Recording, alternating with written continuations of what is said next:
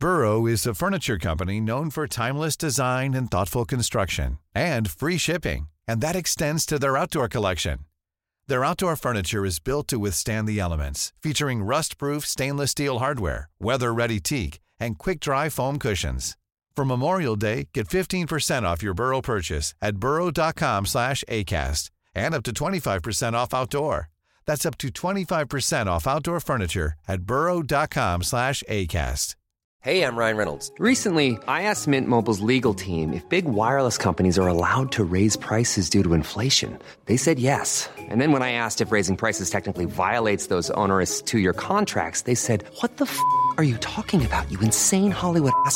So to recap, we're cutting the price of Mint Unlimited from $30 a month to just $15 a month. Give it a try at mintmobile.com slash switch. $45 upfront for three months plus taxes and fees. Promo for new customers for limited time. Unlimited more than 40 gigabytes per month. Slows. Full terms at mintmobile.com.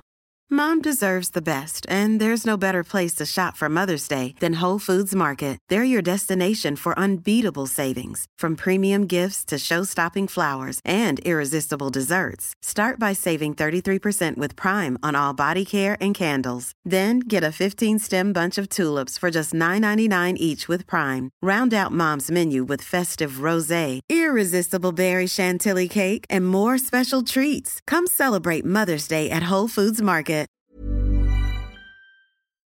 Den här podcasten sponsras av Valio. Valio utvecklar och säljer produkter för människors hälsa och välmående med fokus på magen.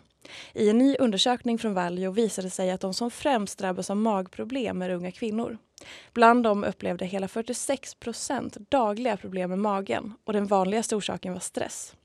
Det är någonting som jag tillsammans med Valio vill försöka ändra på. Läs mer på www.lugnamagen.nu för mer information om maghälsa.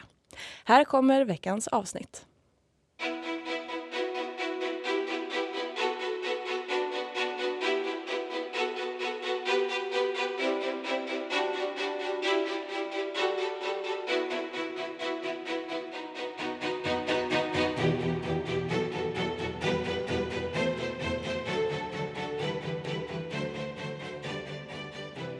Daniel Paris, en ung man som vid första anblicken kan verka både skruvad, flamsig och till och med lite ytlig. Han syns ofta på mingelbilder, leder galor och hänger med både bloggare och kändisar. Daniel startade sin karriär 2010 genom att vinna tv-serien Ung och bortskämd. Sedan dess har hans driftiga sida fullkomligt exploderat då han kommit ut med en kokbok, blivit programledare, syns i tv-soffor, varit radiopratare, föreläst och gjort succé med sina sociala medier.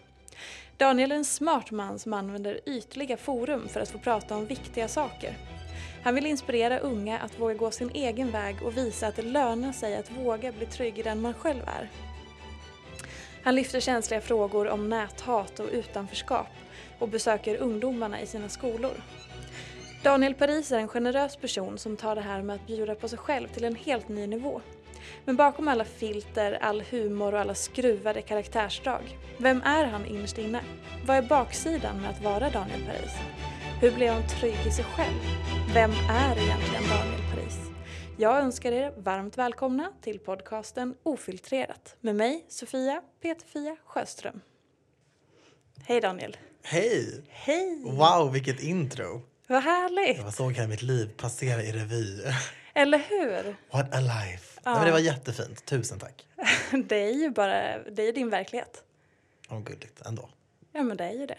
Kan du berätta, om jag bara säger så här, berätta om din verklighet. Och jag tycker det är så svårt. Menar du vad jag gör just nu eller? Ja, du kan få tolka den frågan som du, som du känner. Oh, nej, men jag gör ju en hel del eh, just nu. Liksom. Det är mycket, mycket rörligt, mycket tv och, och mycket, jag skriver väldigt mycket. Och så. Och jag, är, ja, jag har ganska mycket flyt nu i mitt liv, skulle man väl kunna säga. I alla fall på jobbfronten. Så det, det är mycket som händer. Har du flyt på eh, andra delar än jobbfronten också? Mm, ja, eller alltså, jag ju, i mitt liv så är jag ju på en bra plats. Det skulle jag verkligen vilja säga. I alla fall gällande mig själv. Jag är väldigt trygg i mig själv nu. Och så här. Det har alltid varit något som jag har kämpat med väldigt mycket under hela mitt liv egentligen. Så att landa där har varit väldigt, väldigt skönt. Och det har tagit mig lång, lång, lång tid. Um, men uh, jo, så det där är väl också flyt. Det är bara kärlekslivet som går åt helvete. Nej, men jag tror också att det går hand i hand med att känna sig bekväm med sig själv. Jag har verkligen fått kämpa med det länge, länge, länge. Men nu så känns det verkligen bra. Du har ju berättat i många intervjuer eh, och i många forum om att du har haft det ganska tufft när du var yngre. Mm. Eh, jag läste en intervju med QX till exempel där du sa att eh, du visste, eller din omgivning visste att du var gay innan du själv visste det Ja. och att du har alltid stuckit ut på olika sätt men du har ändå liksom kört din egen grej, du har inte ändrat på dig och så. Hur, hur har hela den här tiden varit när du var yngre och så osäker? Alltså det har ju varit ganska jobbigt. Just att alltid vara i fokus, att alltid sticka ut och att alltid ja, men kliva in i ett rum och få alla blickar på sig. och Så. Det är liksom, nu är det ju så, men nu är det ju så av, liksom, av andra anledningar. Nu vet jag varför folk stirrar eller glor eller, eller så. Eh, mycket mer än när man var yngre och då ville jag egentligen bara passa in och det var väldigt jobbigt. Och det gav mig lite social fobi, absolut. Jag tyckte det var jättejobbigt att kliva in i rum där jag visste att folk skulle titta på mig. Eller bara kliva in i rum liksom, egentligen. Typ väntrum hos tandläkaren, vad som helst. Um, matbutiker. Alltså jag fick ju en liten så här, social fobi som följde med mig. Jättemycket att mitt hjärta bara liksom, drog iväg och jag började svettas, blev väldigt nervös, ville inte se folk i ögonen och sådär.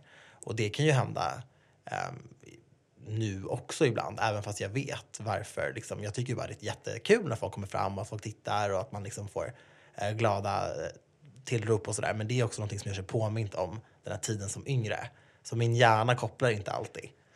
Men var det här du beskriver att du gick in hos tandläkaren och kände att du var iakttagen och så, började det redan när du var i skolåldern, alltså innan du blev offentlig? Ja, det gjorde det. Det, ju, det var ju då det började egentligen. Det var då det var jobbigt. Nu tycker jag inte att det är lika jobbigt på samma sätt. Liksom. Ehm, absolut, alltså jag växte upp i en skola utanför stan i Viksjö, Järfälla. Ehm, där min familj och jag, vi var ju en av få familjer som inte hade liksom helt svenskt påbrå. Det fanns absolut inga homosexuella i min skola vad jag visste, eller nu vet jag ju det. Men ingen, jag var ju inte, jag var ju verkligen bara mig själv. Och liksom, jag hade på mig vad jag ville, jag pratade om vad jag ville och hängde med dem jag ville. Ville jag hänga med tjejerna så gjorde jag det, ville jag hänga med killarna så gjorde jag det. Jag brydde mig liksom inte så mycket. Jag tänkte inte på att man ja, var tvungen att vara som alla andra någonting för att passa in. Men det stack ju i folks ögon. Liksom. Det var ju så här, andra skolor visste vem jag var. Typ. Och det är så konstigt att säga så, men det var verkligen så. Ehm, andra klasser visste vem jag var. Folk kom så på sina raster och glodde in i vårt klassrum bara för att typ titta på mig. Liksom. Och det behövde inte alltid vara negativt, men det, för, de hade aldrig sett någon som mig eller så här, ville bara se vem jag var. Typ. Men jag var ju så liten och jag tyckte det var jättejobbigt för att jag kände mig som, som en alien. Liksom. Men då ville de först titta på dig då för att du hade utländskt ursprung eller var det för att men du bara för att jag typ stack ut så mycket. Det var så här, ja men typ Daniel liksom. Ja, men typ, jag, var liksom jag var gay och andra generationens invandrare. De hade aldrig sett något sånt liksom. Det Något låter sånt, det jättekonstigt. låter som ett nej, men en sån, fenomen. nej, Men jag en sån förstår ju. person. Och det var så här, Ja. typ, de bara, men hur funkar det egentligen? Typ, så, man bara, men, det var liksom, jag blev alltid utfrågad, jag blev alltid nagelfaren. Och jag tror inte att det var så negativt. Alltså så. Jag tror folk verkligen bara var nyfikna. Liksom. Mm. Men det fick ju mig också känna mig så annorlunda. Och när du matas med att du sticker ut så himla mycket, eller när du matas med att du är annorlunda hela tiden, så sätter det sina spår. Det gör verkligen det. Och folk var så här, ah, men vill dina föräldrar typ kasta ut dig? Eller så här, "Hur har dina föräldrar tagit allting? Jag bara, men de kunde inte bry sig mindre. De, Tänkte de då på att det skulle vara någon så religiöst, att det inte skulle passa kanske ihop? det, eller vad? liksom att man tänker sig att folk som ser ut som mig, mina föräldrar, kanske inte har en hög tolerans. Liksom. Mm. Mina föräldrar är ju verkligen så här, raka motsatsen, de kunde inte bry sig mindre. Mm. De tycker bara det är tråkigt att jag är singel och tjatar på mig än idag. Men, och det var ju så här, gud, och jag fattade ju ingenting och då tänkte jag så här, okej vadå, S- ska föräldrar störa sig på folk som är som mig? Ska folk tycka att det är jobbigt? Ska, alltså, typ så. Och jag, satte, satt, jag sattes under luppen av folk och då började jag tänka så här, men kanske är något fel då? Eller det kanske är konstigt. För jag är ju bara mig själv och ingen verkar bry sig i, i min närhet. Men alla de här människorna verkar tycka att det är så konstigt. Eller så häpnadsväckande, du vet. Och då tänkte jag så här, men då kanske jag är jätteannorlunda. Och då tänkte jag så här, men jag vill inte vara annorlunda. Jag vill bara vara som alla andra. Men det gick ju inte. Försökte du då att ändra på dig och passa in? Alltså inte vad jag minns. Jag kanske gjorde det liksom per automatik av mig själv utan att tänka på det. Men jag tror verkligen inte det. Jag har alltid haft ganska mycket integritet. Alltså verkligen. Och det är någonting som har följt med mig. För mina föräldrar har alltid sagt liksom, sälj inte billigt, sälj inte, sälj inte din själ. Och det har de alltid sagt ända sedan jag var liten. Och det har ingenting med liksom, mediebranschen att göra. Utan de har bara sagt så här, stå på dig liksom. Och jag tror mycket har att göra med dem. Jag menar, de kom till Sverige för 30 år sedan. Mina föräldrar var utbildade i Iran, fick ingen jobb. Tog liksom städjobb och bara körde liksom medan de utbildade sig. Och liksom de, de brydde sig inte. För att de ville liksom jobba och bygga någonting här i Sverige för sina barn, för sig själva. De tänkte att de var för bra för någonting eller för fina för någonting. Och då tänker jag, det har liksom hängt med mig, den ryggraden som de hade har, nu kommer jag aldrig gå igenom det som de har gått igenom, jag hade aldrig klarat av det, men jag tänker mig att det tankesättet, den envisheten, liksom, det har jag fått från dem. Så jag har inte kunnat liksom, tacka ja till vissa saker även nu i vuxen ålder. Saker som jag bara inte vill göra.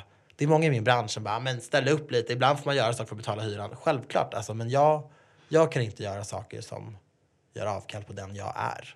Jag kan inte göra vissa samarbeten för att jag inte står för det och jag tror inte på det. Och det då spelar det ingen roll liksom, vad man får betalt eller sådär. Jag, det går inte, men alla andra får gärna göra det. Jag lägger ingen värdering i det, men jag kan inte liksom. Och jag tror att mycket har att göra med det. Jag kunde inte riktigt låtsas vara som alla andra, låtsas intressera mig typ av fotboll för att man skulle göra det i min skola. För jag brydde mig inte om fotboll. Nej. Alltså vem skulle jag då, jag skulle inte kunna titta mig själv i spegeln då liksom. Och känna mig som mig själv. Men hur, om man, nu hade du turen eller förmånen eller man säger att dina föräldrar lärde dig- det här väldigt tidigt. Hur tror du att man kan göra om man eh, kanske känner igen det du beskriver att man sticker ut eller att man känner sig annorlunda eller ensam eller inte är som alla andra men att man inte har fått den där sköna starka ryggraden i att man kan känna att jo, men jag, jag, det är okej att jag är som jag är, jag behöver inte anpassa mig. För jag tror att det är ganska svenskt, nu generaliserar jag, men att man ska ju vara, vara med i den där vågen. Man ska vara lite som alla andra, man ska inte sticka ut. Sen har det såklart blivit bättre. När vi var yngre, unga, eller yngre så kanske det var annorlunda. Men jag tror att det kommer inte lika naturligt för många att man ska säga ifrån eller man ska duga som man är eller få köra sitt eget race. Alltså, jag på det sättet är ju lite så här typ pri- privilegierad eller vad man säger. Att jag ändå hade en familj som jag var väldigt ja, men nonchalant inställd. Jag fick göra precis vad jag ville och vara den jag är. Liksom. Och det var ingenting de la sig i.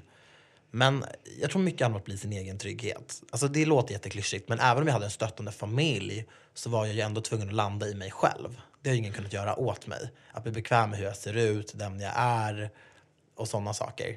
Ehm, det har ju ingen kunnat göra åt mig såklart. Till, sen så underlättar det ju att ha en, en familj som stöttar och så men Alltså jag tror mycket handlar om att hitta, hitta den basen i sig själv. Och det är verkligen jättesvårt. Jättesvårt är det att landa i den man är. Och det är klart att när jag var 13, 14, 15 och mina kompisar hade pojk och flickvänner och sådär. Tänkte jag så här, men det vill ju jag också ha. Men samtidigt så var jag inte trygg nog i mig själv. Att kunna släppa in någon annan på det sättet. Jag var tvungen att landa i mig själv. På riktigt. Verkligen vara helt bekväm innan jag liksom kunde bli ett med någon annan. Och det har tagit mig flera, flera, flera, flera år. Verkligen. Det är typ först nu som jag kände så här, okej. jag är väl typ någorlunda bekväm med mig själv och skulle eventuellt kunna se mig själv med någon. Typ. Jag har ju alltid varit helt tunnelseende när det gäller kärlek och relationer och sånt. För jag bara känt att så här, det är för mycket mig just nu. På ett osjälviskt sätt men att jag bara känt att jag orkar inte och jag kan inte liksom öppna upp för det där. Så ja, men det, man får jobba med sig själv och inte liksom leva i förnekelse. För man är jättebra på det. Att förneka saker för sig själv, om sig själv och sådana saker. Och, och, och liksom hur man än är som människa, hur man än ser ut. Att man liksom finner ron i det. Det är jätteviktigt. För det är först då som man kan må bra på riktigt. Helt sant. Och det börjar väl någonstans kanske med jag, jag kan uppleva att många så här, man börjar med det yttre hela tiden. Att Ja. man, man tänker så här, ah, men fan bara jag får de där snygga magrutorna eller bara jag färgar Mm. håret eller sätter i löshår eller fixar mig på något sätt eller opererar till och med så kommer jag eh, hitta lyckan eller kärleken till mig själv och så. Men då börjar man ju lite för långt ut kan jag tycka. Ja. Eller så. Det och du, du kommer ju vara lycklig i typ två minuter men sen Ja. när det har lagt sig då kommer Exakt. allt annat gammalt bagage liksom. man måste ju fylla upp det här eh, snygga skalet Ja. oavsett. Eh, och det går ju inte om man inte kommer in i kärnan på något sätt. Ja. ja, all sån lycka är ju väldigt temporär. Mm. Alltså verkligen. Och det, ja, det lär man sig också med åldern. Nu börjar du snart närma dig 30. Mm. Känner du eh, någon form av så här... eh, Jag vill inte använda ordet kris, men du vet, jag tror att det händer ganska mycket med folk när man närmar sig 30. För att det är så mycket, dels har det hänt ganska mycket mellan 20 och 30 och det blir som att det är en ny period i livet och det är ganska så här, man har mycket förväntningar på sig när man närmar sig 30. Kan du känna av det? Ja, absolut. Alltså det känns så sjukt att jag närmar mig 30. Man ska ju vara jag. vuxen då. Jag vet, och nu inser jag ju liksom, jag trodde ju aldrig i min ålder var vuxna när jag var, när jag var yngre. Tänkte jag så här, "Ah, då har man livet på det torra. och så här. Nu inser jag ju att vuxna människor är stora barn Ja. som går omkring och låtsas som att de har koll på läget fast de kanske inte har det.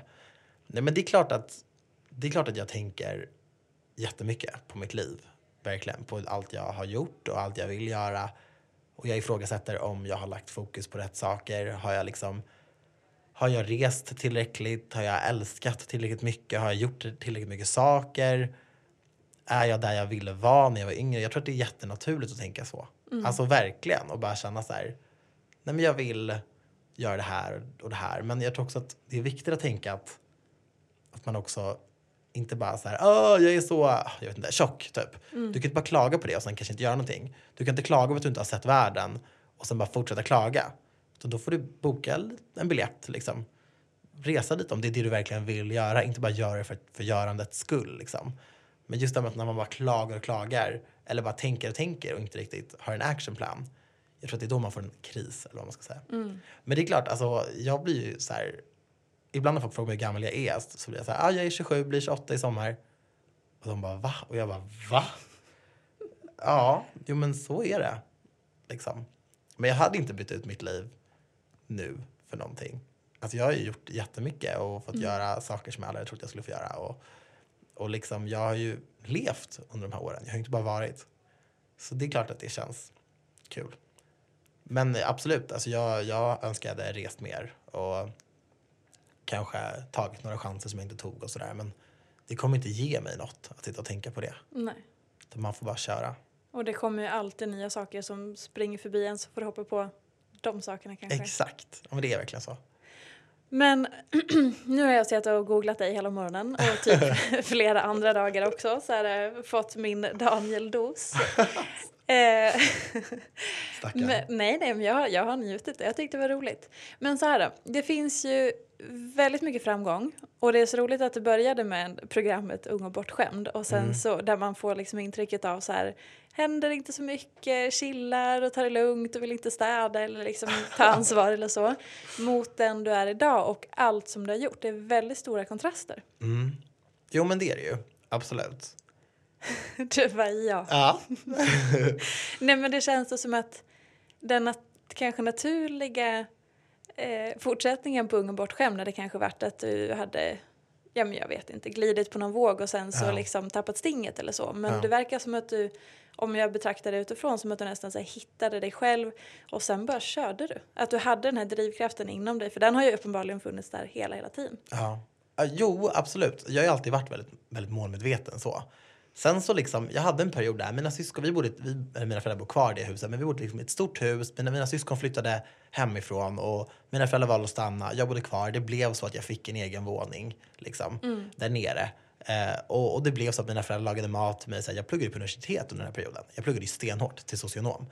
Och mina föräldrar valde att se till att jag hade lagat mat på bordet och typ, ja, men städade mitt rum ibland. Liksom, eller plockade undan lite när de ändå plockade undan. Alltså nu ska inte jag vara sån men jag, jag tycker typ inte att det var så farligt ändå. Ja. Och sen så var man med där. Jag lärde mig jättemycket där. Och jag lärde mig också att min självkänsla var på botten. Jag, jag var ju verkligen en person, jag, jag ville att mina föräldrar skulle göra allt åt mig. Så att jag bara kunde gå till skolan, plugga och sen så inte göra något annat. För att jag var så rädd för att misslyckas. Jag var rädd för att om jag skulle ställa mig och laga mat, då skulle det bli dåligt. Då skulle jag känna mig dålig. Jag var rädd för att om jag skulle tvätta, ja, men då skulle mina kläder missfärgas. Och då skulle jag känna mig dålig, misslyckad återigen Som människa. som, som människa och då skulle jag bara lägga ner helt. Alltså jag har alltid varit så, jag är väldigt nära till mina känslor och blir jag besviken eller ledsen då raserar hela min värld liksom. Och när jag bodde där i huset och då var jag tvungen att städa och tvätta och ibland blev det dåligt men ibland blev det också bra. Och när det blev bra mådde jag så bra. Och det som hände där när jag kände den här, jag visste, jag visste inte ens vad det var jag kände men jag kände ju stolthet, riktig stolthet. Och det var så så sjukt för mig. Och då märkte jag också hur jag satte fokus på andra saker. Jag brydde mig inte lika mycket om mitt utseende. På alla, de här komplexen som jag hade i mitt huvud, de bara försvann. För jag hade ju ett hushåll att sköta liksom. Jag hade ju saker som skulle göras. Jag hade ju ett riktigt liv att fokusera på. Och den här stolthetskänslan var så mycket större än den här komplexkänslan.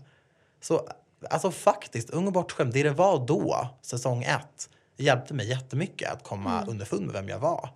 Och det gav mig också startskottet att jag tänkte så här, men det här, det här måste ju flera kids veta om. Jag ska ju berätta för dem att det sista städning handlar om är att städa, utan det här kommer göra under för din självkänsla. Och det är också det jag skriver i min kokbok, det var också det jag berättade om när jag liksom gick ut och träffade människor, att ni måste, ni måste hjälpa till. Och det är inte för era föräldrars skull, utan det är för er skull. Ni kommer må så bra av det här. Och det var ju det, därför är jag jätteglad att jag ställde upp.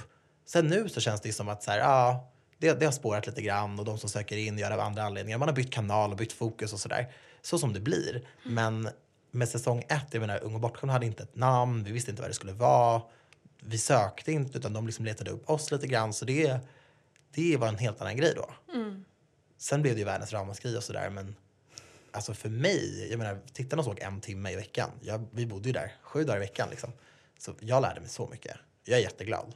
Verkligen. Jag tror verkligen att det är så otroligt viktigt att ha, ha saker där man känner mening. Och det var väl kanske Mm. det som, som du kände där när du behövde laga mat eller du behövde ta tag i Alltså att du Ja. fick, du fick en annan mening än... För att när man har för mycket tid, oavsett om man är eh, sjukskriven eller inte har ett arbete eller kanske inte har någon att ta hand om eller någonting. Då kan det lätt bli att som du säger, du hade massa komplex, man fastnade i så här en själv. För att det är ju det enda man lever med hela tiden konstant. Man tar ju aldrig ledigt från sig själv. Men däremot om man kan göra saker i livet som, som tar lite fokus. Då kanske man blir lite mer avslappnad och får ju lite andra perspektiv på saker och ting. Men det är verkligen så. Man bara störde sig på skitsaker. Jag började så hitta på att, att, mina, att mina ögon var olika stora och så bara sådana idiotiska saker som jag gick runt och störde mig på. Liksom. Och det var ju verkligen, jag hade ju så mycket tid och det enda jag gjorde var att klaga på mig själv. Så, det, ja, så det är jag verkligen glad för. Och sen är det svårt. Det är svårt när man lever hos sina, med sina föräldrar. Då är det svårt för mig att bara, ja men, eh, ja, tvätta era kläder men inte mina. Och laga mat till alla men inte mig.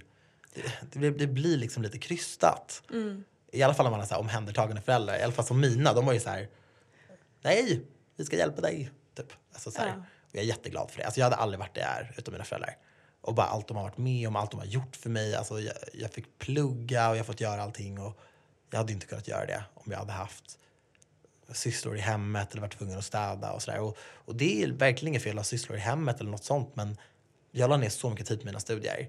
Och jag märkte på mina klasskamrater då som, som gjorde mycket hemma och sådär att det, de kunde inte plugga på samma sätt.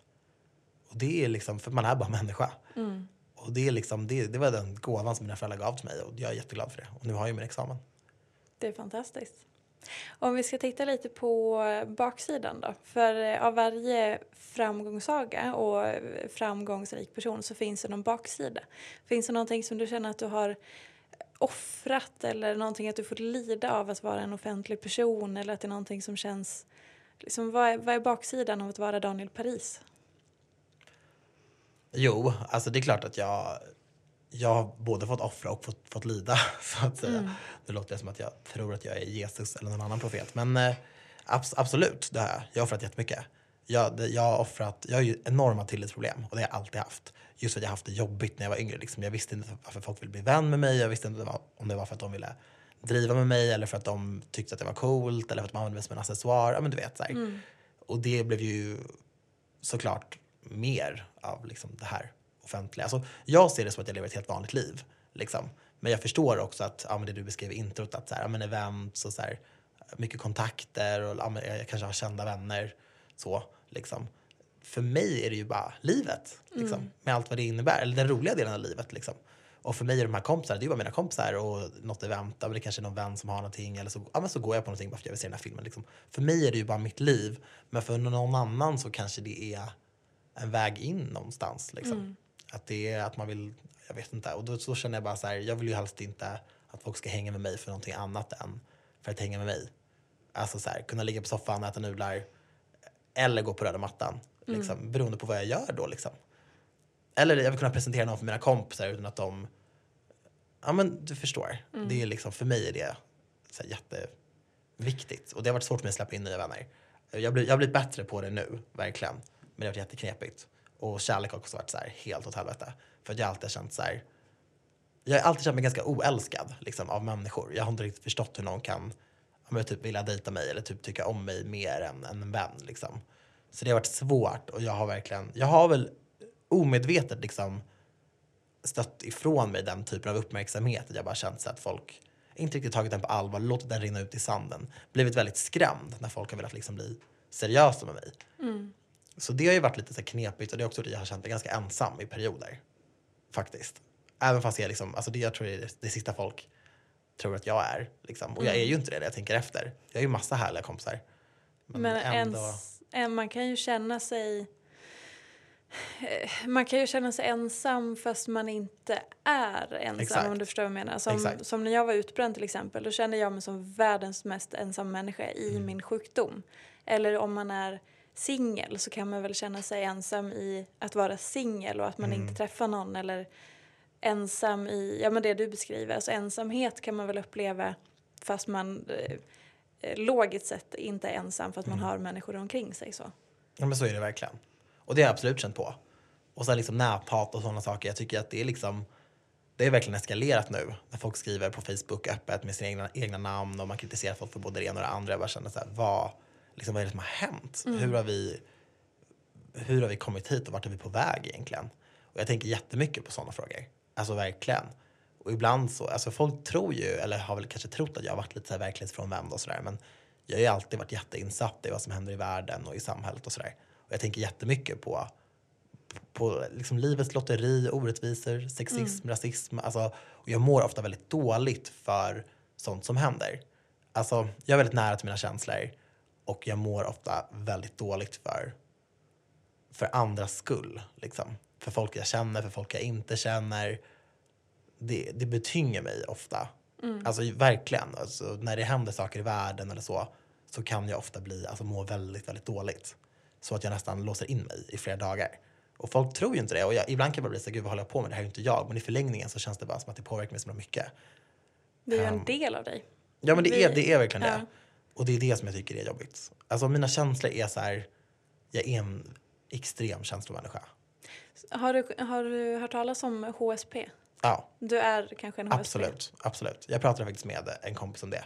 Och bara beskrev allting och jag bara, alltså jag pallar fan inte. Jag bara, det är ju helt sjukt att jag går runt och så här är typ sänkt, alltså mår dåligt när jag läser om ett mord. Och så förklarade hon allting. Och så kände jag så här, ja det är väl det. HSP då för de som inte vet är ju High Sensitive Personality Mm. eller starkskör som eh, det heter på svenska. Där man är väldigt, kan inte du beskriva det du känner igen dig i med? Alltså jag, jag känner väldigt mycket. Det är, liksom, det är högt och lågt hela tiden. Och man är verkligen helt slut. Alltså efter typ en dag. Och när det är saker som händer, alltså jag kan läsa en artikel och bara bli helt röd i ansiktet, börja svettas. Som att jag typ känner de här personerna, som att det står om mig. Eller bara om jag så hör någonting eller läser någonting så kan jag bli så här, alltså så typ upprörd över det och så, typ ledsen. Att det typ tar över hela min dag. Och det är verkligen, ja, det är jobbigare än vad man tror. Påverkas du av eh, människor runt omkring dig, energier, hur de mår? Ja, Sånt som, för, för jag kan bli sådär ibland, eh, jag känner också igen mig väldigt mycket i det här HSP och jag kan bli väldigt eh, påverkad av folk i, i en, rummet, i ens Mm. närhet. Om det är människor som är nära en eller som man är i samma rum under en längre tid eller en arbetsdag så känner jag av det väldigt, väldigt tydligt. Ja, och så jag kommer jag hem och är helt slut och bara, men jag mår inte dåligt men jag är Nej. helt färdig. Ja, och jag har haft vänner också som bara alltså, har pratat med mig under sådana här perioder när jag har varit väldigt nere och bara alltså Daniel, du måste också förstå att det här är faktiskt inte du. Och det, du kan inte gå runt och må dåligt för allt som händer i världen hela tiden. Men för någon som inte är liksom, en HSB-person så, de kommer ju aldrig riktigt kunna förstå. Nej. Det låter, ju- kan ju låta flummigt. Det kan verkligen låta flummigt, men jag har alltid varit så. Jag kan få ångest från ingenstans. Och sen så kan jag prata med en kompis som verkligen inte är så bara, nej jag mår prima. Och känner så här, men du om någon borde ju ha ångest för det här, det här, det här, liksom så. Och då kände jag bara så här, gud vad skönt det hade varit. Men samtidigt så tycker jag om att ha mycket känslor ändå också. För att när det är bra så är det ju väldigt bra. Man njuter väldigt mycket av Ja, små och man blir, saker. jag kan bli väldigt glad för liksom typ ingenting också.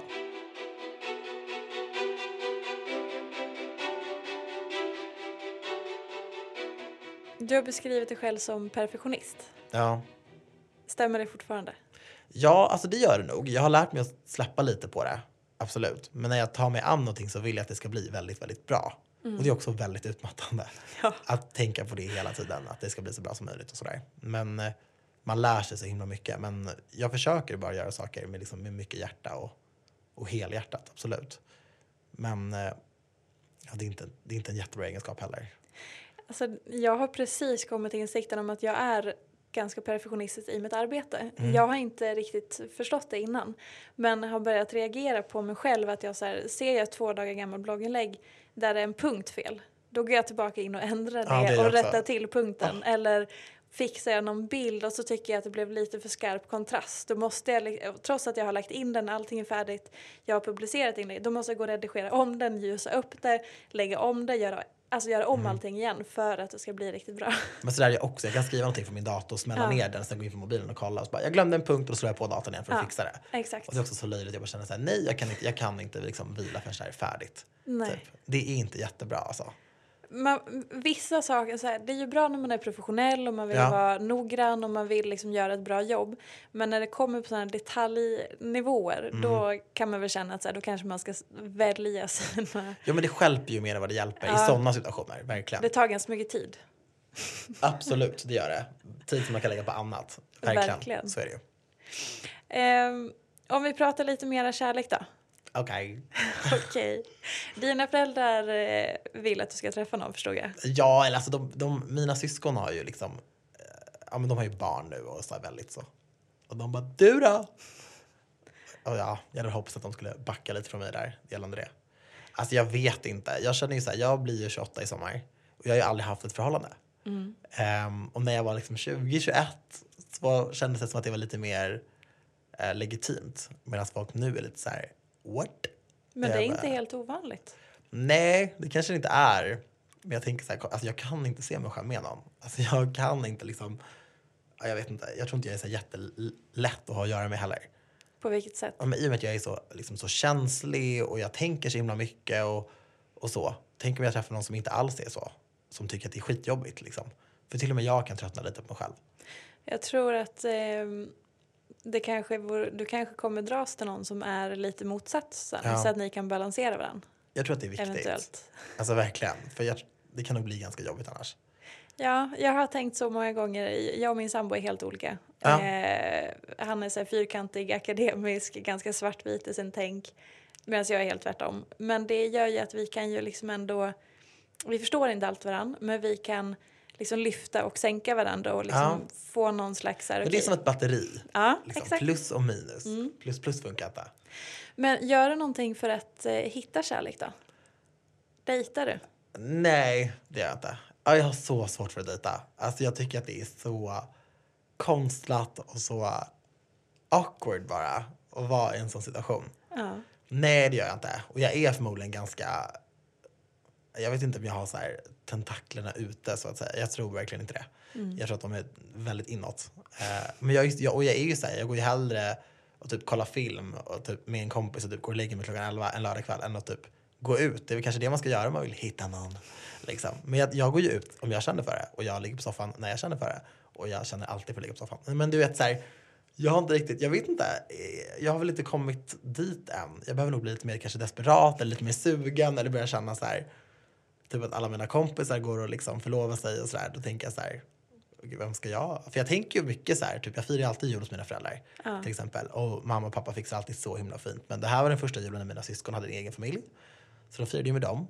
Eh, och sen så liksom, mina föräldrar är ju fantastiska och jag älskar att åka till dem. Men de blir ju äldre och äldre. Alltså tänk när min mamma inte längre eh, och pappa, liksom, när, tänk när de inte längre kommer liksom, laga den här stora julmiddagen eller sådär. Vem ska jag då vara med? Jag tänker mycket så.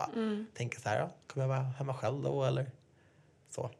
Liksom, jag ser mig själv, själv i framtiden. Och det är det som känns lite tråkigt. Det känns lite tråkigt att jag alltid tänker så här, ja men alltid när jag skojar med mina kompisar, jag bara, men tänk när du ska vara pojkvän. Vad ska då jag göra? Jag tänker aldrig så här, ja men tänk när vi har partners tillsammans. Eller att du har det? Ja, jag tänker alltid att jag är själv. För att jag alltid har varit själv. Har du alltid tänkt så? Även när du var Ja, yngre? jag har alltid sett mig själv själv. Och det är lite tråkigt ändå. När jag tänker efter liksom. Ehm, Vill du ha barn? nej. Nej. Nej. Men jag tänker också så här. Tänk sen när jag är jättegammal. Alltså vem ska jag hänga med? Vad ska jag göra? Alltså hur kommer mitt liv se ut? Ja. Jag kommer säkert vara typ ensam då liksom. Fast det finns ju massa alternativa eh, levnadsförhållanden. Eller egentligen så. Men gör det verkligen det när man är vara riktigt gammal? Men jag tänker så här, hur ofta kommer barn hälsa på ändå? Nej, jag, jag Nej. vet inte. Men jag kan inte riktigt se mig själv med ett barn. Det kan jag faktiskt inte. Nej. Men jag har aldrig varit sugen på barn. Alltså inte ens när jag var liksom mindre. Nej. Jag tycker mina syskonbarn är jättegulliga och sådär men jag vill liksom inte jag vill liksom inte ha dem. Förstår du vad jag menar? jag får inte den känslan. Jag har aldrig riktigt fått den känslan. Och det är liksom, det kanske förändras när man träffar någon och sådär. Men eh, just nu så. Det är mycket det här med så här vuxenliv som skrämmer mig. Alltså, Som vadå? ja, men mycket det här med så här, partner, vill man ha barn, vill man köpa en lägenhet med någon? För vi, alltså man är ju inget barn längre. Liksom. Det man inte. När man var typ 20, 21, 22. Det var liksom ett annat liv. Även om man inte riktigt tänker på det. Så var det ju typ det. Du nämnde tidigare det här med social fobi eller att det är svårt att släppa in folk och så. Ja. Hur mycket känner du att det påverkar dig i, i din vardag? Alltså det, det har sina perioder. Ehm, det har det absolut. Men det, jag fick ju det liksom när jag, eller jag fick en släng av det liksom när jag växte upp. Och jag alltid kände mig liksom, eh, som att jag stack ut väldigt mycket. Liksom. Och du vet, man är tonåring, man har lite finnar och fettigt hår. Eller så här, man kanske inte var jättesugen på att folk skulle glo på en. Liksom. Ehm, men nu är det så här, folk tittar ju absolut och kommer fram och jag tycker det är jättehärligt. Och folk är väldigt trevliga. Eh, alltid faktiskt. Så det, jag tycker att det är väldigt härligt. Men jag har också alltid sagt att jag, liksom, jag föredrar verkligen när folk kommer fram. Man behöver liksom inte vara rädd för det och man kommer aldrig få ett så här otrevligt bemötande eller ett nej om man vill ta en bild. Verkligen aldrig. För jag tycker att det är väldigt trevligt. Men så här, det är klart att om jag står i kön och ska hämta ut, äh, skicka ett brev typ. Och det står liksom ett gäng alltså, lite yngre än mig kanske och man liksom börjar viska och det blir tyst och man börjar tissla och tassla och peka liksom, då känner jag lite så här, sånt här ger ju mig mer liksom, det här ger mig bara panik. För att jag känner så här, och, du vet, så här, och så kanske folk i kön tittar och bara, men vadå, vad är det de glor på? Är det han? Vem är det? Alltså lite så. Ja. Och, och då blir jag så här, nu har jag typ hundra ögon på mig när jag bara står här i typ pyjamas. Alltså jag, då blir jag konstig. Eller då känner jag så här, då börjar svetten rinna och jag känner mig så här, lite obehagad. Men sen när de kommer fram och då, liksom, då är det ingen fara. Så jag har alltid sagt att jag verkligen uppmuntrar folk att komma fram. För att det är väldigt kul för oss alla. Och för att det hjälper mig mycket i min vardag. Liksom. Vad är det, vad skulle du säga, är det liksom värsta du har råkat ut för hittills i din, sen du blev offentlig eller så? Alltså det har ju varit lite, det har det. Ehm, när Ung bortskämd gick så var det någon som ringde till mina föräldrar till exempel mitt i natten och sa att de borde skämmas över mig. Va? Ja, det här visste jag inte om. Mina föräldrar ville inte säga någonting till mig. Min pappa svarade. Men min, eh, han sa det sen någon gång. Liksom. Eh, men det rörde inte honom i ryggen. Men jag blev bara så arg att någon liksom ringer min pappa på 60 år och har mage. Och det här var tydligen också en vuxen man. Typ. Och då kände jag bara så här, hur fasen kan man liksom, och vad var jag, 20, 22? Nej, 22, 23 kanske. Men jag blev så arg och då kände jag bara så här. Och jag tänkte så här, vad har den här mannen typ ett jobb? Alltså sitter han, har han kollegor? Alltså, åh fy fasen kan man ringa till någons föräldrar sådär. Um, det har varit lite incidenter där, det har det. Det hände och sen så, när jag var ute också, så var det någon kille som typ ville bråka med mig. Jag kunde liksom inte bry mig mindre om folk som har försökt starta bråk. Och han blev jätteprovocerad av att han inte lyckades typ uppröra mig. Han fick ingen reaktion i mig liksom. Ehm, utan jag bara uppmuntrade honom till att gå och ha kul med sina kompisar typ. Och han var väl lite van vid det för han ville att jag skulle käfta med honom. Så han typ drog mig i håret eller något och typ sparkade till mig. Jag bara, men alltså, det var det här som hände ganska nyligen? Ja, Ja. och som det också stod i tidningen. Men, och då kände jag bara så här, va? Alltså really? Går man runt och sparkar folk nu? Alltså funkar det verkligen så?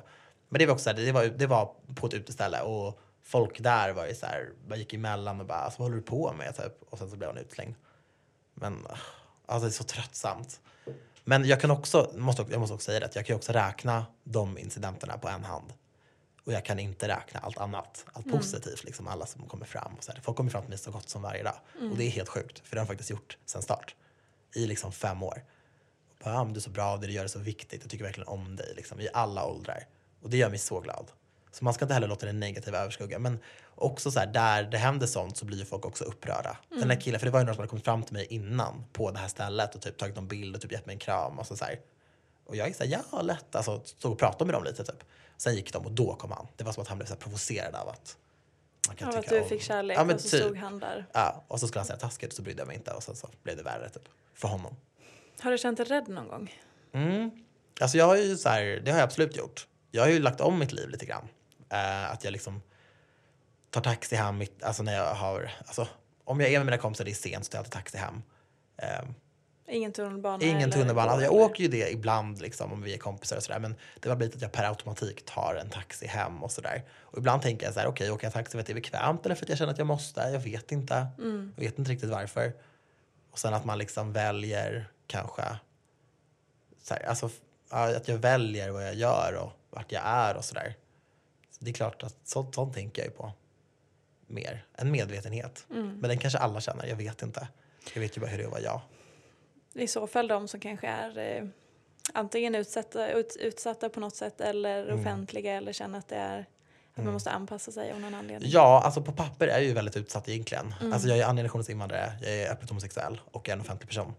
Så eh, jag har ju ganska mycket emot mig så. Men jag har inte heller känt av det på samma sätt.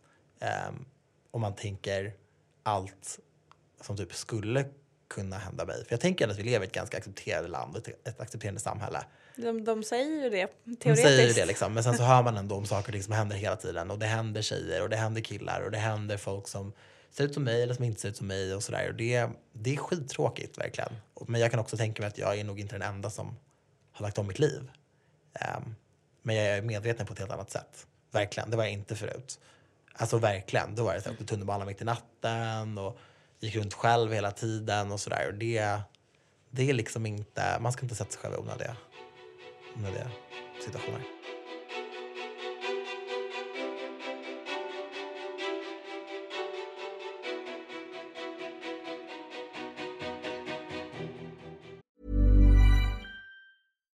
If you're looking for plump lips that last, you need to know about Juvederm lip fillers. With Juvederm Volbella XC and Juvederm Ultra XC, your lip look, whether it's subtle or bold, can last up to one full year with optimal treatment and no additional maintenance. Find a licensed specialist and see if it's right for you at juvederm.com today. That's J U V E D E R M.com. Add fullness to lips in adults over 21 with Juvederm Volbella XC or Juvederm Ultra XC. Do not use if you have severe allergies or a history of severe allergic reactions, or if you're allergic to lidocaine or the proteins used in Juvederm. Tell your doctor if you have a history of scarring or taking medicines that decrease the body's immune response or that can prolong bleeding. Common side effects include injection site redness, swelling, pain, tenderness, firmness, lumps, bumps, bruising, discoloration, or itching. As with all fillers, there's a rare risk of unintentional injection into a blood vessel, which can cause vision abnormalities, blindness, stroke, temporary scabs, or scarring.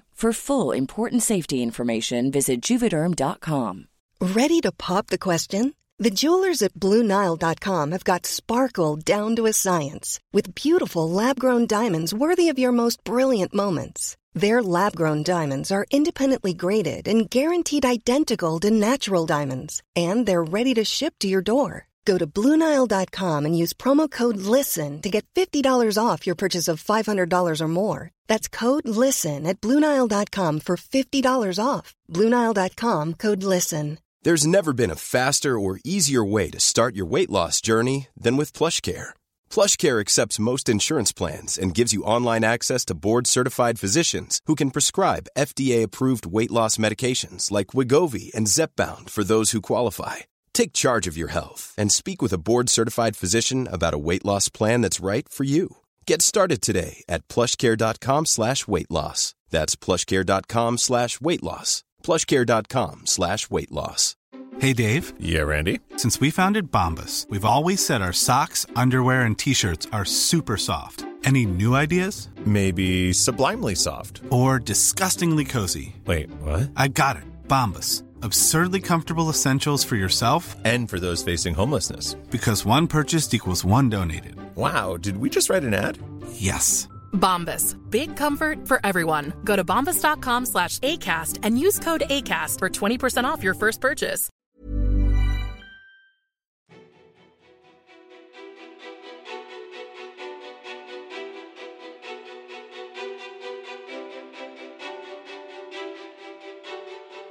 Du började blogga i samband med Ung och bortskämd, lite Mm, alltså tidigare. ett halvår innan typ. Ja. Ja. Eh, hur känner du att eh, bloggvärlden har förändrats fram till idag? Alltså jag bloggade under en ganska kaosig period där för bloggvärlden överlag. Det var mycket bråk och mycket drama och man skulle gärna liksom sänka varandra och sådär. Eh, nu tycker jag att det är annorlunda. Men folk har blivit äldre Mm. och så. Och den, det yngre gardet har ju inte riktigt hoppat på så som folk höll på. Nej. Alltså faktiskt, det måste man ändå säga. De tog ju inte efter. Och ibland så är det de här liksom 20-something-bloggarna som håller på. Då tycker man nästan bara att det är lite pinsamt. Mm. För att nu är man ju inte där längre. Du kan inte hålla på när du är 22-23 som du gjorde när du var 14. Det blir bara hemskt liksom. Ehm, och sen tror jag också att så här, Youtubes intåg i Sverige har gjort att det har blivit jättestor skillnad. Alltså alla de här Youtubers, där handlar det bara om att sprida kärlek och älska varandra och bara när man kollar kommentarer på Youtube är folk så positiva. Mm. Och där är också väldigt hbtq dominerat liksom och man får se ut exakt som man vill, vara exakt som man vill och så. Och så. så jag tror också att det har gjort att det har blivit bättre klimat på nätet. Det tror jag. Men sen så har vi ett stort problem med näthat, verkligen. Mm. Och att det inte finns samma konsekvenser och att folk är inte lika anonyma längre. Man bryr sig liksom inte. Folk kan skriva att de vill döda eh, Andreas Weise eller skjuta Gina Dirawi och sen så går man in och kollar och så har de ett jobb, barn. Här, Det är det som är så fascinerande. Eller bara uppmuntrar till att man ska liksom skjuta flyktingar och så är det också så här. Det skulle kunna vara min mamma eller din. Man tänker ju att det är, som du sa... En ensam galning. Ja, exakt. men och man tänker det. att det är någon utstött eller ensam eller någon som mår Mm. dåligt eller hej och hå. Men det är också därför som jag också har valt att lägga om mitt liv. Alltså jag tänker så här, jag kan, jag kan ta en taxi hem Mm. från Stureplan mitt i natten fast jag bor på Södermalm. För att det är inte en ensam galning längre. Det kan vara liksom, jag kan träffa den här personen på tunnelbanan Mm. som vill döda mig. Som kanske har sett mig och hört mig och som bara ser sin chans nu. Och bara, du ska väck liksom. Det kan hända med mataffären också såklart. Men alltså det har liksom förändrats ganska mycket och den trenden är rätt obehaglig. Alltså det jag tycker verkligen det. Och det är någonting som vi alla behöver verkligen, på tal om förnekelse och sådär, vi måste också acceptera att det är något som har hänt. Mm. Och vi måste också jobba för att stoppa det. Verkligen. Då kan man ju känna, eh, för när du är med i radioprogram och sådana saker så förstärker du vissa av dina karaktärsdrag. Ja. Eh, och kanske spelar på att du skulle vara en eh, knasig gaykille som är Mm. typiskt Stockholm. Och det liksom, du förstärker de här sakerna som, Mm. som kan liksom provocera folk. Mm. Kan du känna då att det blir lite farligare att driva med det eller göra humor av det på det sättet? Eller räknar du med att folk ska förstå att det är humor? Alltså grejen Att det är, inte är du för fullt ut? mm, jag, jag tänkte alltid att jag ville prata om sådana här saker. Jag pluggade till socionom och var väldigt, jag ska föreläsa i skolor om allas lika värde och hur viktigt det är och ett sunt internet och sådär. Men det som händer är att det är ganska svårt att nå ungdomar idag. Det, är, det är verkligen det. Så det jag ville göra var att skaffa mig ett följe, bli liksom en, en figur i populärkulturen som folk ändå tyckte om, ja, men som folk ändå lyssnade till och sådär. Och det gör man ju genom att ja, men synas och höras i kommersiella sammanhang och vara ganska gladlynt, ta på sig fina kläder och sådär. Och sen när man väl har fått det där följet, då ska man se till att göra skillnad. När man har fått den här makten på riktigt. För om jag bara hade stått på barrikaderna och skrikit från första början så hade ingen riktigt brytt sig, tyvärr. Och jag tror inte att så jättemånga hade kommit och lyssnat på Daniel, socionomen, år 2012 om vi inte hade haft offentligheten också. För nu kanske folk kommer att lyssna på Daniel Paris och tänka att ja, men de kanske inte riktigt vet vad de kommer få eller så vet de exakt vad de kommer få och så får de något helt annat. Och det är väl lite det det handlar om. Att bli relaterbar för målgruppen för att sen vända på det. Så det är alltid så jag har tänkt. Så det var en medveten strategi från början? Ja, det var det. Och folk sa att jag var helt galen och så att jag aldrig åkte buss och så, så fotade folk mig på busshållplatsen och skickade in till den här radiostationen där jag jobbade och de bara, alltså, vi kunde inte bry oss mindre liksom. Och jag kunde inte heller riktigt alltså, bry mig mindre. Det var ju Nej. inte, det var ju inte ett liv som jag liksom försökte eh, visa upp utan det var mer att så här, mm, det här var det som funkade då. Men ja, så nu, nu har jag ju vänt det där liksom. Och jag gjorde ju, alltså jag gick ju aldrig över en viss gräns. Det skulle jag aldrig göra liksom. Det var mycket, jag drev mycket med mig själv liksom. Mm. Och så. Och mycket med bilden av stockholmare. Det kan vi ta. För stockholmare, alltså vi behöver fan skärpa till oss. På Ehm, vilket sätt då? Nej men vi är ju lite sådär, den, den bilden jag, skrev, jag beskrev av liksom den typiska Stockholms fjollan du vet, som bara tänkte på sig själv och sådär. Det var ju många som bara exakt så är de, de där rackarna och så.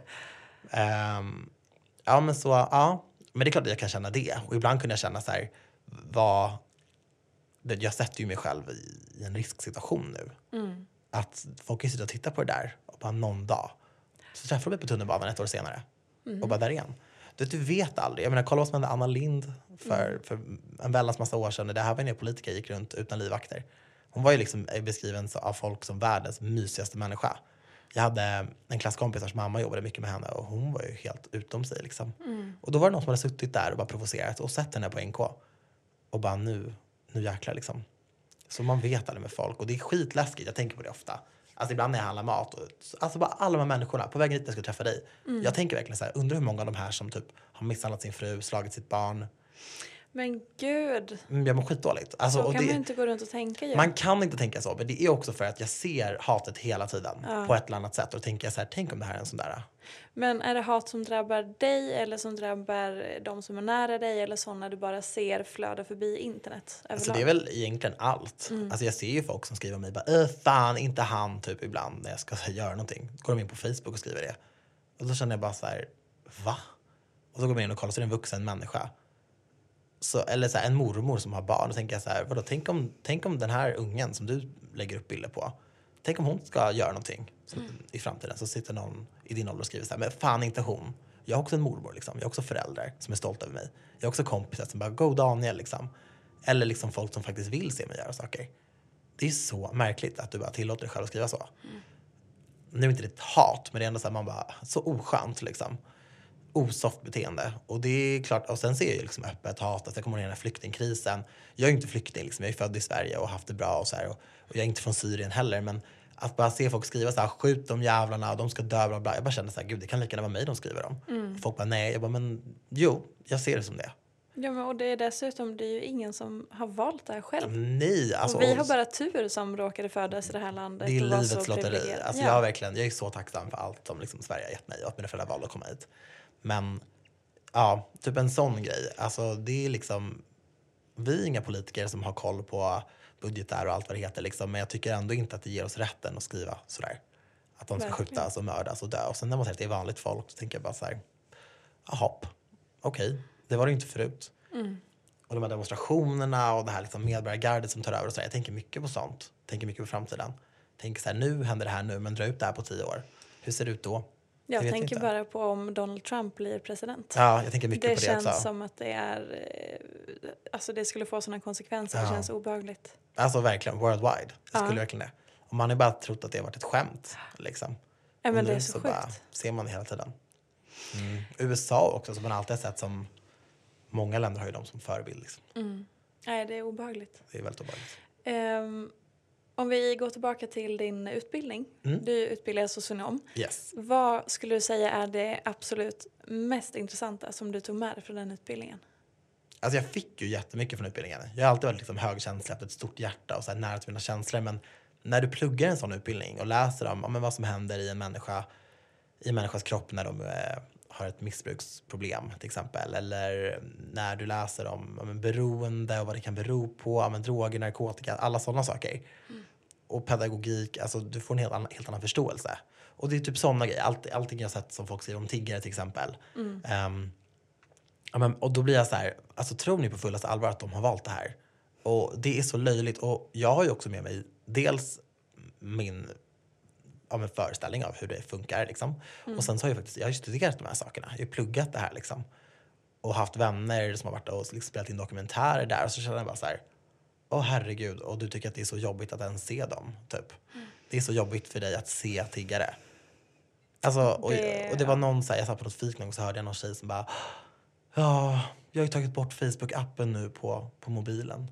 Det var så jobbigt att läsa alla, alla inlägg om tiggarna. Va? Jag bara, "Va? hur fick du tiggarna att handla om dig? Hon, alltså, var, hon tyckte det var så jobbigt, alltså hon tyckte synd om dem, men hon hade alltså tagit bort sin app på mobilen. För det var liksom så jobbigt för henne att se de här inläggen om tiggarna och om flyktingarna. Oj då. Det här eländet var så jobbigt för henne att se så hon tog bort den. Och då kände jag bara så här, det här handlar inte om dig. Och jag fattar att det är jobbigt, jag tycker också att det är jobbigt. Men det här handlar faktiskt inte om dig. Alltså vi måste sluta få allting att handla om oss själva. Alltså det är liksom misär och fattigdom får folk, driver folk till saker och ting liksom. De Mm. vill inte komma och störa dig när du sitter där på din uteservering. Alltså verkligen inte. Men de har provat allt annat. Och det är liksom men mycket sådana saker. Jag har fått en annan förståelse och så. Men ja, jag ser det både som en välsignelse och en förbannelse. För att det har varit så här. Mm, jag önskar jag kunde stänga av mina känslor ibland. Mm. Verkligen. Det hade hjälpt mig alltså, mycket i livet. Har du, har du eh, provat eh, terapi? Nej, det har jag faktiskt inte gjort. Och egentligen så borde jag gått på KBT där i, när jag började se de här slängarna, liksom social fobi, där och då. Mm. Nu är det ju liksom bra, men det hade ju besparat mig många jobbiga år. Ehm, det hade jag verkligen gjort. Jag har aldrig ens tänkt att man kan gå och prata med någon för sådana här saker. Men jag vill ju inte heller stänga av riktigt. Nej. Och jag tänker att om jag ska använda min utbildning och jobba som handläggare och kanske möta folk dag in och dag ut som mår väldigt dåligt så kan det bli jobbigt liksom.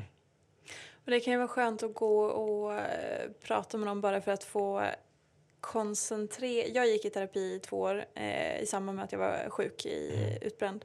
Eh, och det var ganska skönt att gå en timme varje vecka eller hur ofta man nu går som är koncentrerad till att bara få liksom lufta. Det är som att man så här Ja. renar systemet och får liksom släppa ut allting som man vet att man tänker på eller som man inte vet att man tänker på och bara så knyta upp de här knutarna man har inom sig. Mm.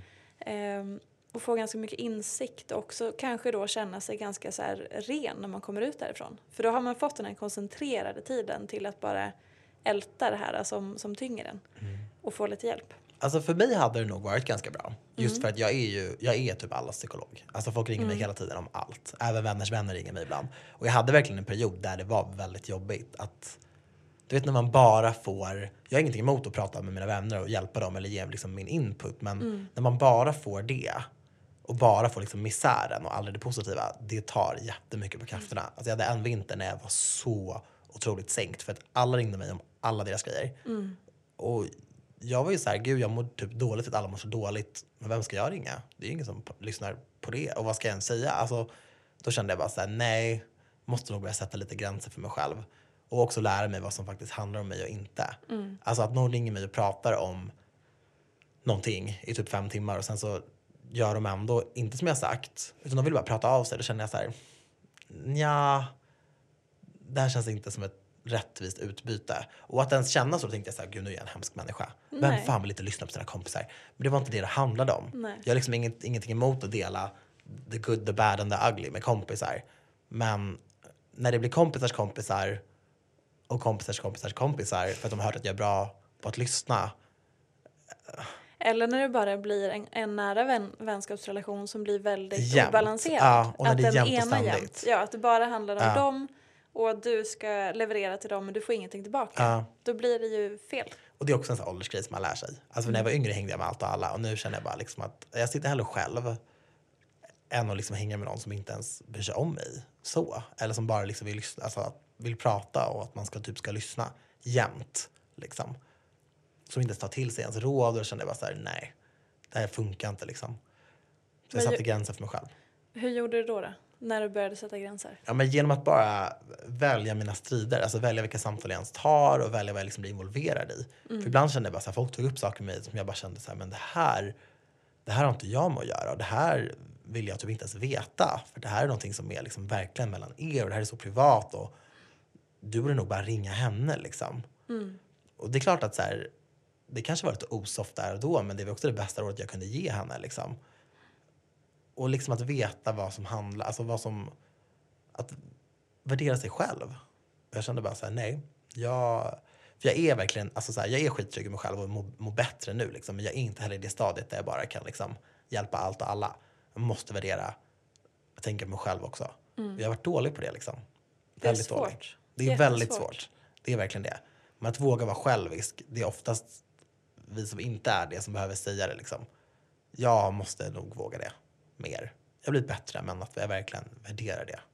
Och jag tänker att, att vara självisk handlar i grund och botten mer om att...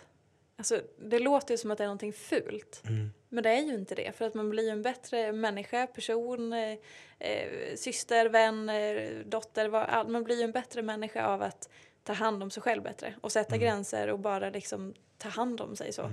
Jag, alltså, jag kan ju ge av mig själv när jag är hel. Exakt. Och det är ju verkligen, det måste man påminna sig själv om. Mm. Att jag gör det här för dig också liksom, i längden.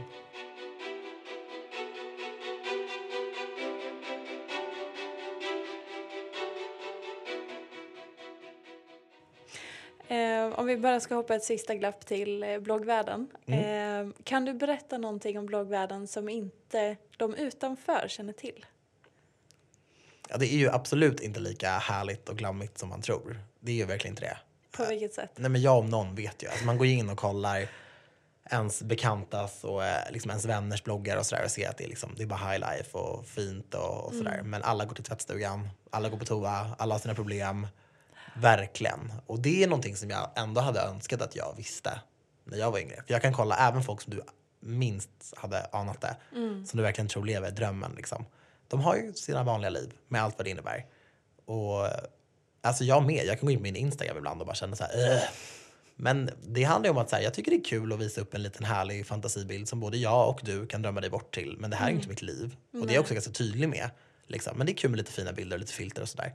Men man får inte heller liksom tro att det här, de här liven som vi läser om är så fantastiska. Att ens eget liv är så, så tråkigt och så. För det var det jag tänkte. Jag bara, det här är ju, kolla på henne liksom, vad har jag gjort? Och än idag kan jag så gå in på någons blogg ibland och bara, "Ah, jaha. Jag ligger på sofflocket och hon har gjort det här, det här, det här. Och känner jag bara så här, nej, jag vet hur det ligger till. Ja. Och det är verkligen så. Jag om någon vet ju. Ja, Liksom. Du har ju stora, stora fötter, ska Ja. stora fötter inne där. Så don't worry about it. Alltså det är verkligen så. Må inte dåligt. För att det är ingen fara. Men det är ju, för det är det som är så tråkigt med Instagram, att det har blivit som någon slags uppvisning Mm. istället för, för det var ju någonting annat när det började. Det är därför jag gillar Snapchat. Ja. För jag, jag tänker mig att Snapchat blev det som Instagram aldrig blev. Instagram, alla, alla människor ser ju typ det lite som sitt CV. Det ska vara så fint och sådär. Och folk gillar ju det. De gillar ju att drömma sig bort. Och då känner jag bara såhär, ja ja visst men typ, alltså Snapchat känns lite mer som verkligheten. Men även det kan ju bli uh, något helt annat. Men man måste ta sociala medier för vad det är. Det, är liksom, det är lite fint, lite kul, lite busigt. Men det är inte livet och det är inte verkligheten. Och det, man måste påminna sig själv om det. Jag måste också göra det ibland. Ibland går jag in och kollar och bara åh, den här maten såg ju god ut. Här sitter jag med den här pastan. Ja men så här, hon ska lägga upp en bild på den här pastan. Det skulle inte jag heller göra. Utan hon väljer liksom man, att gå på restaurang och ta en bild. Alltså lite så. Att det är ett vanligt liv. Går också till tvättstugan, sitter också med alla sina måsten, liksom, mår dåligt, har ångest, storstädar, Stressar kanske stressar, flänger runt. känner sig otillräcklig. Verkligen. Verkligen. Så det, ja, det är viktigt att komma ihåg. Varför tror du att alla dras till media? Eller media i någon form, sociala medier eller vanlig media eller gammal media. Att, att alla, inte alla, men många vill ju dit. Många ser det som Mm. den ultimata framgången. Det är ju mycket bekräftelse. Ja. Att få höra från andra att man är så himla bra. Och Synas. Så, synas och höras. Och vi lever också i en generation, alltså, när man ger unga människor uppmärksamhet under en period och sen så är de inte intressanta längre, då får ju de panik och börjar liksom göra både det ena och det andra och skriva både det ena och det andra. Och så, här, så kanske de har lite följare kvar som blir så här, "Åh, det här är helt rätt. Och så, det är lite läskigt. Liksom. Och jag tycker ändå där behöver också mediehus och tv och sånt verkligen ta sitt ansvar. Att man är noga med vilka man plockar med till sina produktioner, vilka man ger väldigt mycket uppmärksamhet under perioder. Kan inte lyfta upp någon på en förebildsroll och sen bara lämna den och så kan den fortsätta där och provocera och ha sig för då blir man så här, okej, det här är ju morgondagens unga som blir påverkade av det här. Så jag, jag tänker jättemycket på sånt. Man kan inte lyfta vem som helst.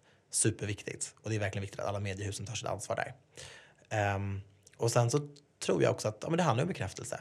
Väldigt många som söker sig till tv och blogg och sådär är osäkra. Har haft det jobbigt när man var yngre. Jag menar, jag fick höra att alla skulle bli ett skit av mig liksom. Och, och att jag, ja, men jag var så annorlunda och det var ingen som tyckte om mig riktigt och sådär.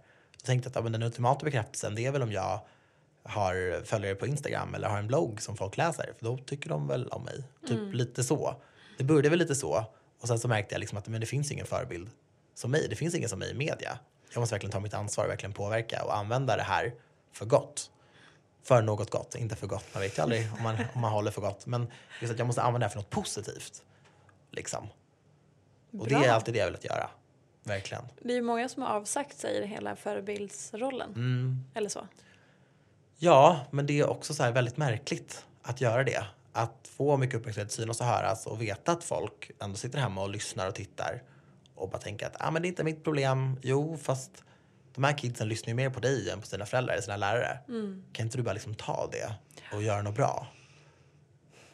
Det är liksom, det är lite tråkigt. Jag önskar att flera förstod det. Ja, det, det känns som att man smiter undan lite då. Man smiter ju verkligen undan. Och tycker liksom att Sen tycker jag att det är så konstigt. problem. Jag tycker det är konstigt att säga att man inte bryr sig, att man inte... Ta något ansvar. Ja, alltså, hur, kan man, hur kan man göra så? När man ändå vet att folk sitter där och bara lyder minsta lilla blinkning liksom. Nej. Det är sjukt. Mm, nej, men det är faktiskt lite sjukt. Mm. Det är sjukt. Tråkigt. Och det är lite skrämmande också för att det blir ju väldigt många ringar på vattnet som man Ja. inte vill veta av. Ja, det, är gud det, ja. det är ju det jag kan tycka med hela den här äh, visa upp sin kropp och äh, klä av sig. Det är ju bara en liten sak. Men, Ja, men det alltså, är jag, har ju här, jag har ju öppen Snapchat eh, Mm. ibland och jag har ju så här, jag accepterar typ så här 4 000 och 4 000 första. Mm. Och ibland får jag ju liksom bilder från folk alltså, som är väldigt, väldigt små. Mm. 12-13 år. De skickar säkert till flera, inte bara till mig. Men där de typ så här, så här kanske inte är nakna men så här, de typ ligger i sovrummet med så här släckt lampa och så här, jag bara eh, och bara vad gör alla typ? Och då känner jag så här Och ligger och posar i sängen typ.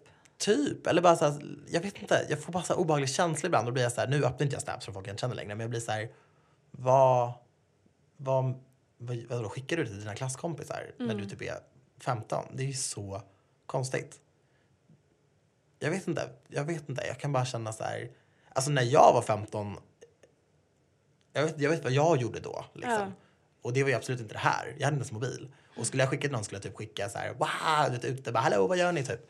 Jag skulle inte skicka en bild, alltså, en så mörk, alltså bara så här, uh, jag vet inte. Men folk Det skickar... har förändrats jättemycket. Ja, och folk skickar ju dickpics Ja. hela tiden. Och sexbilder Ja. på olika sätt. Det är samma med Periscope, att man streamar liksom när man typ är så naken och så. Folk tror ju att det stannar där liksom, men Men vad är syftet? jag vet inte, det är väl bekräftelsen. Jo, men hur kan man trampa på sig själv så mycket att man vill ha bekräftelse genom att sälja ut sin kropp på internet?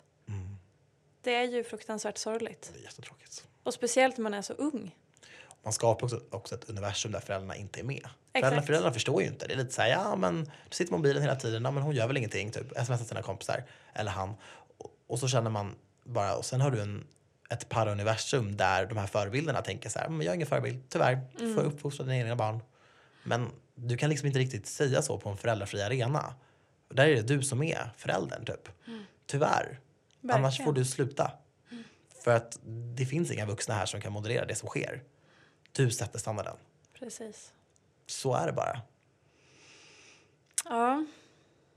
Bra Daniel. Så positiv slutnot. Nej, men Precis. Det, men du Nej. vet, det är ju sjukt alltså. Mm. Jag håller Och med. det går väldigt fort nu. 15 ain't what it used to be. Det är verkligen inte det. Och jag är inte ens gammal. I'm not old som säger det. Men man känner sig ganska ja, gammal. det gör jag. Och då I tänker jag, men tänk då vad en förälder känner. Mm. Tänk då vilken distans de känner till sina barn. Det är Precis. tråkigt alltså. Det är många föräldrar som skriver till mig och bara, jag träffar inte ens mina barn längre. De går till skolan och sen sitter de bara med telefonen. Vad ska jag göra? Vad ska man göra? Ja. Jag vet inte. Alltså, Men man måste väl ja. kanske börja fråga och intressera sig. Intressera sig, inte snoka. Nej, Att precis. man kanske skaffar ett eget konto och bara så här, men vad brukar du göra? Jag gör det här och Ja. hur kan vi, ja men liksom ska vi prata om det här tillsammans och så. Mm. Och jag tror att genom att skapa en sån dialog med sina, med sina barn, att det liksom blir kul. Så här, min mamma är med, hon har Instagram och så här, ja men vi brukar snacka lite om filter och så här, jag vet att det är svårt som förälder. Men gör dig själv den tjänsten, sätt in dig lite för då kan du på ett icke-snokande sätt komma nära dina barn. Mm. Då kan ni börja prata. Och då kan ni också prata om viktiga saker. Att så här, ja, jag tycker faktiskt att det är obehagligt, kanske ditt barn säger, när man ser att min klasskompis skriver den här liksom raddan könsord till den här kändisen för, att få, för att synas typ. Eller när jag, jag får den här typen av kommentarer. Men hon menar ju ingenting för det är bara internet. Men jag tycker ändå att det är lite konstigt. Då kan du liksom få vara med och tänka liksom att okej, fast det här är lika verkligt fast det är på internet. Och man får inte skriva sådana här saker till någon. Precis. Alltså börja prata om näthatet på ett annat sätt. Inte liksom bara slita upp dörren för att man har läst en artikel och bara du näthatar väl inte? Nej, bra. Hej då. Det funkar ju inte liksom. Nej, det blir ju väldigt eh, punktmarkerande Ja. och ineffektivt. Ja. Det är ingen som tar det på allvar Nej. riktigt. Och det är sådana föräldrar som bara, nej men vi har inte Instagram, vi, jag är en bra förälder, jag är ett bra barn liksom. Men vi lever i en generation där orden har förlorat all mening. Och bara för att ditt barn skriver att någon ska dö eller att någon är en ful hora så betyder inte det att hon tycker de här sakerna. Och det betyder inte heller att du är en dålig förälder eller att hon är en hemsk människa med massa hat inom sig. Det handlar bara om att så här, det betyder ingenting att skriva så längre. Tyvärr. Mm. Och ni måste prata om det så att de här orden blir verkliga igen.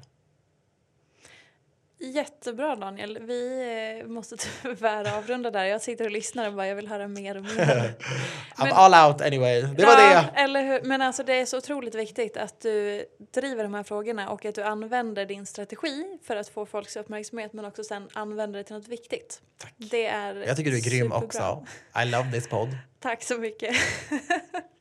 och jag hoppas att ni som lyssnar också gillar den lika mycket och vill fortsätta lyssna. Eh, ni hittar ju Daniel på, som Daniel Paris på Instagram Yes. och dan- danielparis.se på bloggen. Yes. Finns du på någon mer ställe? Ja, jag heter Twitter. Daniel Paris på Snap och I am Daniel Paris på Twitter. Just det, precis. För det var taget. Så. Och mig hittar ni på peterfia.se eller peterfia på Instagram. Tack så mycket Daniel för att du var med. Tack själv. Vi ses sen. Det gör vi. Hej då! Hej då!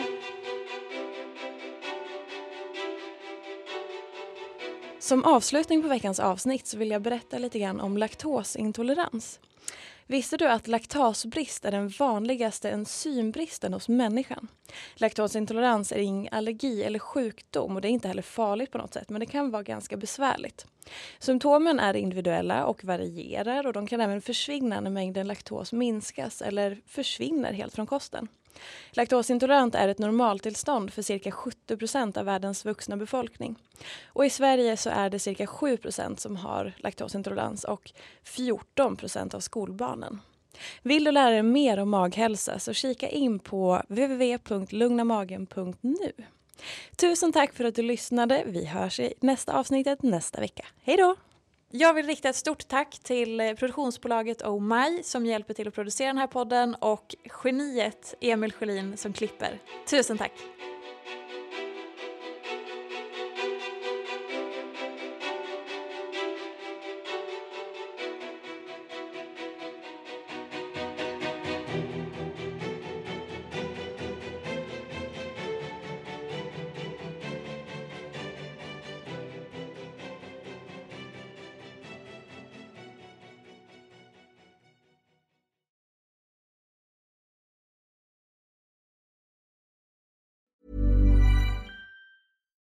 When we're on a budget, we still deserve nice things. Quince is a place to scoop up stunning high-end goods for 50 to 80% less than similar brands.